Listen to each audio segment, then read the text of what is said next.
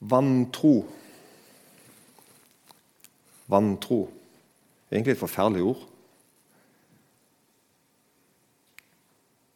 Og Først vil jeg si til du som sliter, som strever med å tro på Gud Kolon. Vantruen sliter og strever ikke så mye med å tro. Var du med på den? Vantruen kjennetegnes ikke med at det er om å gjøre for meg å få, sikker, få visshet om ting og finne ut av ting og falle til ro. og sånn. Vantruen har egentlig det med seg at han er ikke så interessert. Det går greit. Det er ikke så nøye. Og Derfor er det sånn at du som kanskje egentlig er på plass i forhold til dette, som har et forhold til Jesus, men du kjenner på tvil, du kjenner på svakhet, du kan kanskje bli truffet av dette og tenke at det gjelder deg, men kanskje ikke gjør det det. Og Kanskje du hører på som ikke blir truffet av dette og tenker at dette gjelder i hvert fall ikke deg. Da kan det være at det der skal lyse et slags ei rød lampe hos deg. At kanskje det gjelder nettopp deg.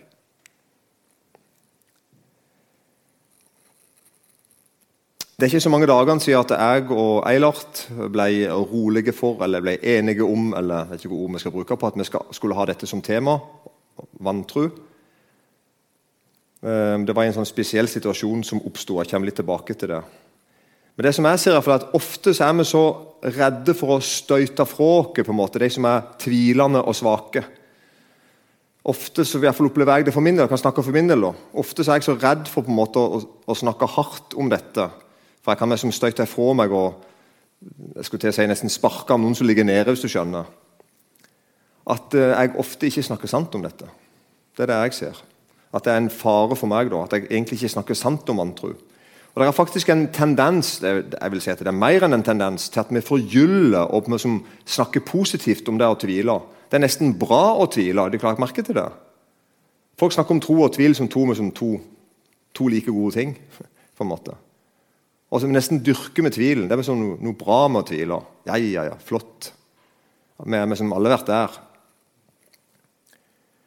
Da vil jeg si noe at det, det å tvile, det å være i tvil i møte med Gud, Guds ord Det å tvile oppleves ikke behagelig. Og hvis du opplever det behagelig, da er du i faresonen for det vi snakker om i dag. Hvis du kjenner at du kan slå deg til ro med ikke være i tvil, med ikke være sikker Hvis du kan kjenne på at jeg kan faktisk leve med at jeg ikke er sikker Jeg bryr meg faktisk ikke så veldig mye om det. Det, det går greit.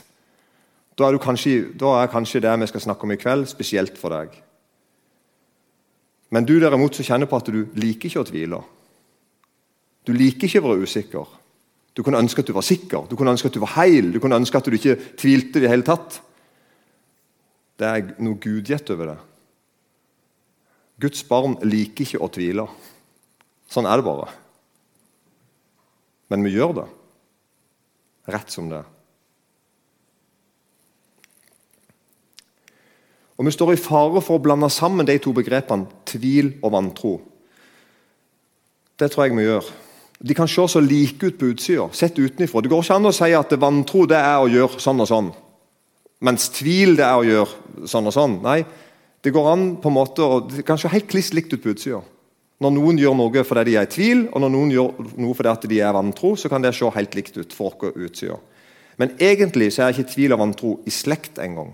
Det er to helt forskjellige ting. Tro og tvil, derimot, det er i slekt. Enhver truende menneske kjenner på tvil. Sånn er det bare. De, de to er i slekt. Altså, de er søskenbarn, eller jeg er ikke sikker på, jeg er ikke så god på slekt, og sånn, men de er i nær slekt. Det går ikke an å ha og tro på noe uten å kjenne på en tvil. Det er på en måte bare på en, måte en konsekvens av det å tro på noe. At jeg, jeg, jeg famler og leter etter det som jeg, jeg tror på. Mens vantro som sagt, det er ikke i slekt engang med å tro. Det er egentlig en gigantisk motsetning. Vi kan egentlig kort oppsummere forskjellen på tro og vantro på den måten her, og si at tro, troen den kan kjempe eller tvile eller ha lyst til å ha tro, men liksom ikke få det til. Er dere med på den? Sånn kan, tvilen, sånn kan trua eh, oppleve. Mens vantroa vil ikke tro. Rett og slett kjenne inni seg at 'jeg vil ikke tro'. Jesus han sier det veldig enkelt i Johannes 20 og vers 27. Et veldig godt vers. Vær ikke vantro, men troende. De to er motsetninger. Det å være vantro og det å være truende. Dette sa Jesus i en helt spesiell uh, situasjon til en helt spesiell mann som er kjent for å tvile av en eller annen merkelig grunn. Vi kaller han ofte for tvileren. Og, eh, historien er fra Johannes 20, som sagt, og vers, hvis vi går inn i vers 19, så er altså Jesus akkurat stått opp fra de døde. Graven er tom. Det er noen to-tre stykker som har sett han, opplevd han. Og så en kveld, da Da det var blitt kveld samme dag, den første dagen i uken, var dørene lukket der disiplene var av frykt for, for judeerne. Da kom Jesus og sto midt iblant dem og sa til dem, 'Fred være med dere'. Og Da han hadde sagt dette, viste han dem sine hender og sin side. Da ble disiplene glade da de så Herren. Men en av de tolv, Thomas, det er tvilling, var ikke sammen med dem da Jesus kom. De andre disiplene sa da til ham, 'Vi har sett Herren.' Men han sa til dem, 'Dersom jeg ikke får se naglemerket i hendene hans' 'og stikke fingeren min i naglegapet og legge hånden min i hans side', vil jeg ikke tro.' Det er ganske drøyt å si, men sånn opplevde han det. Åtte dager deretter var disiplene hans igjen inne, og Thomas var med dem. Da kom Jesus mens dørene var lukket. Han sto midt iblant dem og sa, 'Fred være med dere.' Deretter sier han til Thomas, 'Rekk fingeren din hit og se hendene mine.' 'Og rekk hånden din hit, legg den i min side.' 'Og vær ikke vantro, men troende.' Thomas svarte og sa til ham, 'Min Herre og min Gud'. Han ble truende og kaller Jesus for Gud. Jesus sier til ham, 'Fordi du har sett meg, tror du.' Salig er de som ikke ser og likevel tror. Så tvil og vantro ser så likt ut. Og så er på en måte Poenget med det jeg skal si nå, altså at det, det er ikke likt. Det er en stor forskjell. En annen eksempel i Markus 9. I Markus 9 og vers 23 Det var en mann som, en, som var en far da, som hadde en sjuk sønn. Som det står i Bibelen, I tillegg til at han var sjuk, så var han også besatt. Han var plaga av en ond ånd. Og Jesus han sier til denne mannen, til faren, da Om du kan tro, er alt er mulig for den som tror. Og Da står det i Markus 9, 24, Straks ropte guttens far, 'Jeg tror! Hjelp min vantro!' Det er veldig rart at han, han kjenner på sånn en, et sånn komplett kaos skulle jeg si, inni seg. Han hører Jesus si noe, han tror egentlig på det Jesus sier, og så merker han at det, det er ikke sånn Det er noe som, som uh, kolliderer inni han. Jeg har skrevet her at denne faren kjente på et kaos inni seg. Jeg tror. Hjelp min vantro. Og nettopp det gjorde Jesus. Han hjelpte hans i vantro. Jesus hører den bønnen. Den bønnen kan du òg be. Noen ganger er det sånn ikke sant, at du er midt i en situasjon, du leser et bibelvers eller hører noen fortelle deg, hilse deg for Gud med et bibelvers, med et løfte, med et oppmuntringsord, med et trøsteord, og så merker du at jeg skulle nok antageligvis ha trodd på dette, her, men jeg klarer det ikke. Be den bønnen. Jeg tror, hjelp meg i vantro. Overbevis meg, Gud. Og det, det, er vi inne i nå, det her på en måte, Dette er veldig viktig Dette er veldig viktig at vi, at vi kjenner til på en måte i livet med Gud. Nemlig at Guds barn, de som hører Jesus til, de som vi kaller for kristne, eller omvendt, eller frelste, eller født på ny, de kjenner på noe vi kaller for sin gamle natur. Er det ikke mer på uttrykket? Gamle natur. Bibelen kaller det for kjødet. Eller gamle Adam, kan vi også kalle det. På en måte Den medfødte naturen min. Uten Gud, uten den nye fødselen, så er jeg ugudelig. Sånn, sånn lærer Bibelen. Og, hvis, og, Jeg er ikke i tvil for min del. Jeg har bare kikket litt på innsida av skjorta et par ganger, så er det mer enn nok. Jeg er helt enig. Jeg er ikke sånn som Gud er. Så jeg er klar over det at uten Gud så er jeg ugudelig. Og Dypere sett så er jeg en vantro, om du vil. Jeg er ryggen min vendt ifra Gud.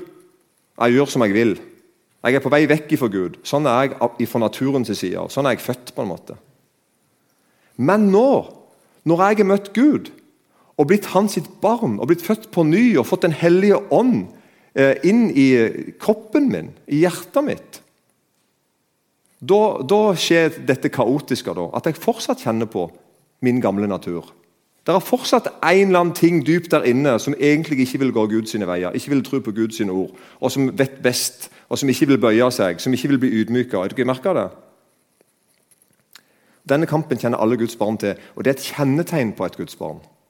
Hvis du kan, hvis du kan si noe at nei, det, det har jeg aldri kjent på, da vil jeg si til deg at det er ikke bra. Hvis du aldri har kjent på det, for dette, det er sant om deg. Du som hører Jesus til, du har fått noe inni deg, noe utenifra, nemlig Jesus Kristus sjøl, Den hellige ånd, som elsker Gud, som elsker Guds ord, som tror på Han, som stoler på Han, som vil høre Han til. Og det kjenner du på.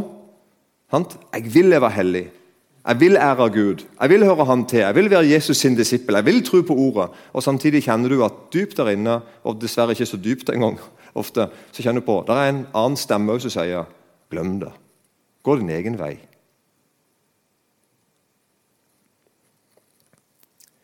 En kamp der. Og Derfor er det sånn at Guds barn de går til Gud med sin uvilje mot å tro på Han. Og Derfor så ender ikke du opp som vantro. Du ender ikke opp som en som ikke vil ha med Gud å gjøre. Fordi at du går til Gud òg med det der Gud, jeg kan ikke tro på deg sånn som jeg vil. Jeg kan ikke dyrke deg sånn som jeg vil. Du må hjelpe meg til meg med det. Derfor er det sånn at vi kan være svake, vi kan være tvilende, vi kan være nølende, vi kan være trege til å tro. Men vi går til Jesus med alt dette. Det gjør ikke vantroen. Vantroen sier egentlig på at 'jeg tror ikke, og ikke vil jeg det heller'. Jeg blir her. Jeg slår meg til ro i tvilen min. Jeg slår meg til ro med Guds opprøret mitt. Jeg blir sittende her.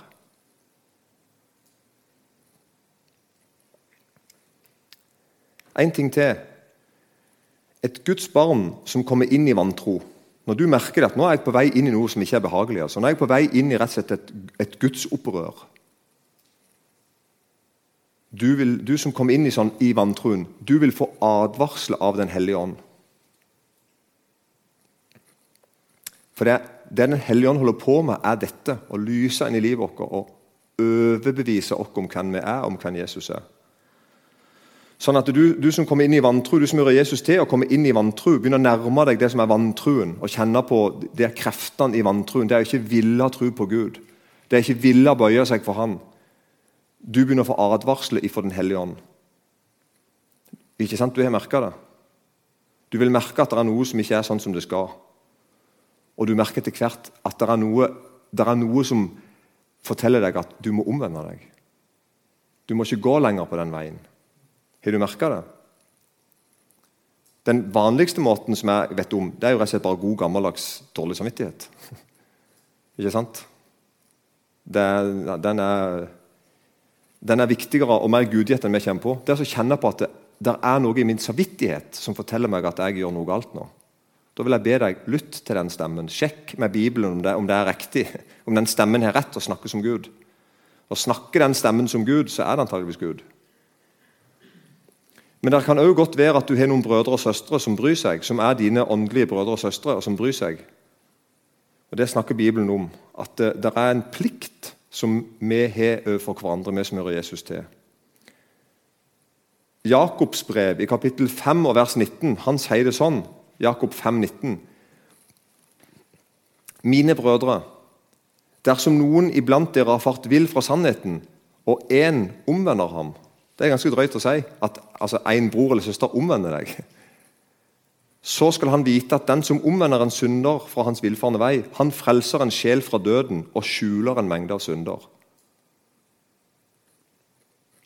Dette er, viktig, dette er, viktig, dette er viktige ting. Dette er kristen eh, nestekjærlighet. En annen ting, når vi snakker liksom om å ha stor tru eller liten tru, eller sterk eller svak tru, eller sånn, det er en utrolig fin fortelling i Markus 5. Og I Markus 5, 25, noen vers utover der. Der var også en kvinne som hadde hatt blødninger i tolv år. Hun hadde lidd meget under mange leger. Alt det hun eide, hadde hun brukt uten å bli hjulpet. Det var heller blitt verre med henne. Tolv års sykdom, hadde lidd under en haug med leger og hadde egentlig bare blitt verre. Hun hadde hørt om Jesus og kom nå bakfra i folkemengden og rørte ved kappen hans. For hun sa, 'Kan jeg få røre, om så bare ved, så bare ved klærne hans, så blir jeg frisk.' Så gjorde det. Da Da stanset blødningen med en gang. Og hun kjente i sitt legeme at hun var helbredet for sin plage. Straks merket Jesus på seg selv at en kraft gikk ut fra ham. Han vendte seg om i folkemengden og sa, 'Hvem var det som rørte ved klærne mine?' Disiplene han sa til ham, 'Du ser at folket trenger på, seg på deg, og så spør du 'Hvem rørte ved meg?' Altså, du kan skjønne ironien. Det er tusen stykker Jesus. Uh, hva, du mener, Men Jesus kjente det var noe spesielt. ikke sant? Han tenkte ikke på det som bare dulta borti han tilfeldig. Og Han så seg omkring for å få øye på henne som hadde gjort dette. Men kvinnen, som visste hva som hadde skjedd med henne, kom redd og skjelvende fram. Hun falt ned for ham og fortalte ham hele sannheten. Han sa da til henne, 'Datter, din tro har frelst deg. Gå bort i fred og vær helbredet fra din plage.' Og Her er poenget mitt med å ta med denne fortellingen at å bare få tak i en flik av kappa til Jesus er nok. Er du ikke med på den? Hvis du har det sånn at det, det, Jeg har ikke så mye altså, jeg, jeg ser ikke for meg at jeg vil gå foran Jesus og, og liksom be, be, om en time oppmerksomhet og knele ned og be alle de andre vente, for nå er det meg og Jesus. nå skal han høre på meg. Kanskje du sier nei, nei, nei, jeg, jeg er ikke der. på en måte. Jeg vil bare komme bakfra og liksom bare ta i kappa hans, for det er nok. Med på den? Og så sier Jesus, så sier han egentlig at ja, det, det er nok. Hvis du merker at hjertet ditt er vendt mot Jesus, det er han du egentlig hører til, det er han du vil tro på, det er han du vil sette din lit til. Du tror at han døde for dine synder, du tror han døde for deg og sto opp for deg, at han lever for deg. Du kjenner det inni deg. Det er noe som vil ta i fliken hans som ikke annet. Så sier Bibelen at det er nok. Ikke store ord eller stor tro, har jeg skrevet. Husk dette, du som tviler akkurat nå. En flik av kappen er nok. Så lenge det er Jesus i.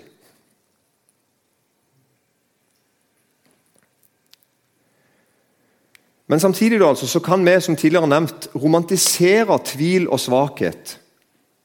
Ikke sant? Og nesten sånn lager det om til sånn at det er noe flott med å være sånn ydmyk og tvilende og usikker. og, nesten lager sånn at det, det, det, er som er, det, er det som er stas. Tenk å være sånn, så tvilende, så forsiktig. Vi får det nesten til å se bra ut, men sånn er det ikke. Og Her er alvoret i vantrua Alvoret i det er ikke å ville tro på Gud. Da går vi til det, det nest siste kapittelet i Det nye testamentet, Johannes' åpenbaring, kapittel 21. Og Der er det snakk om den nye himmelen og nye jord. Og I vers 6 og utover så, så skriver Johannes sånn Johannes' åpenbaring 21, 6. Så sa han til meg, det er skjedd. Jeg er alfa og omega begynnelsen og enden. Jeg vil gi den tørste å drikke av livets vannkilde for intet. Den som seirer, skal arve alle ting. Jeg vil være hans Gud, og han skal være min sønn. Så langt, så, så langt, så bra. Så bra, så langt. Vers 8. Men de feige og vantro og vanhellige og morderne og horkarene og trollmennene og avgudsdyrkerne og alle løgnerne. Deres del skal være sjøen som brenner med ild og svovel. Det er den annen død. Og her er poenget mitt å si at det å være vantru er ikke en fin ting. Står, her står vantroen oppført som en av de tingene som Jesus heller imot dere, som faktisk fører meg til fortapelsen. Kjære Jesus, se i nåde til oss. Amen.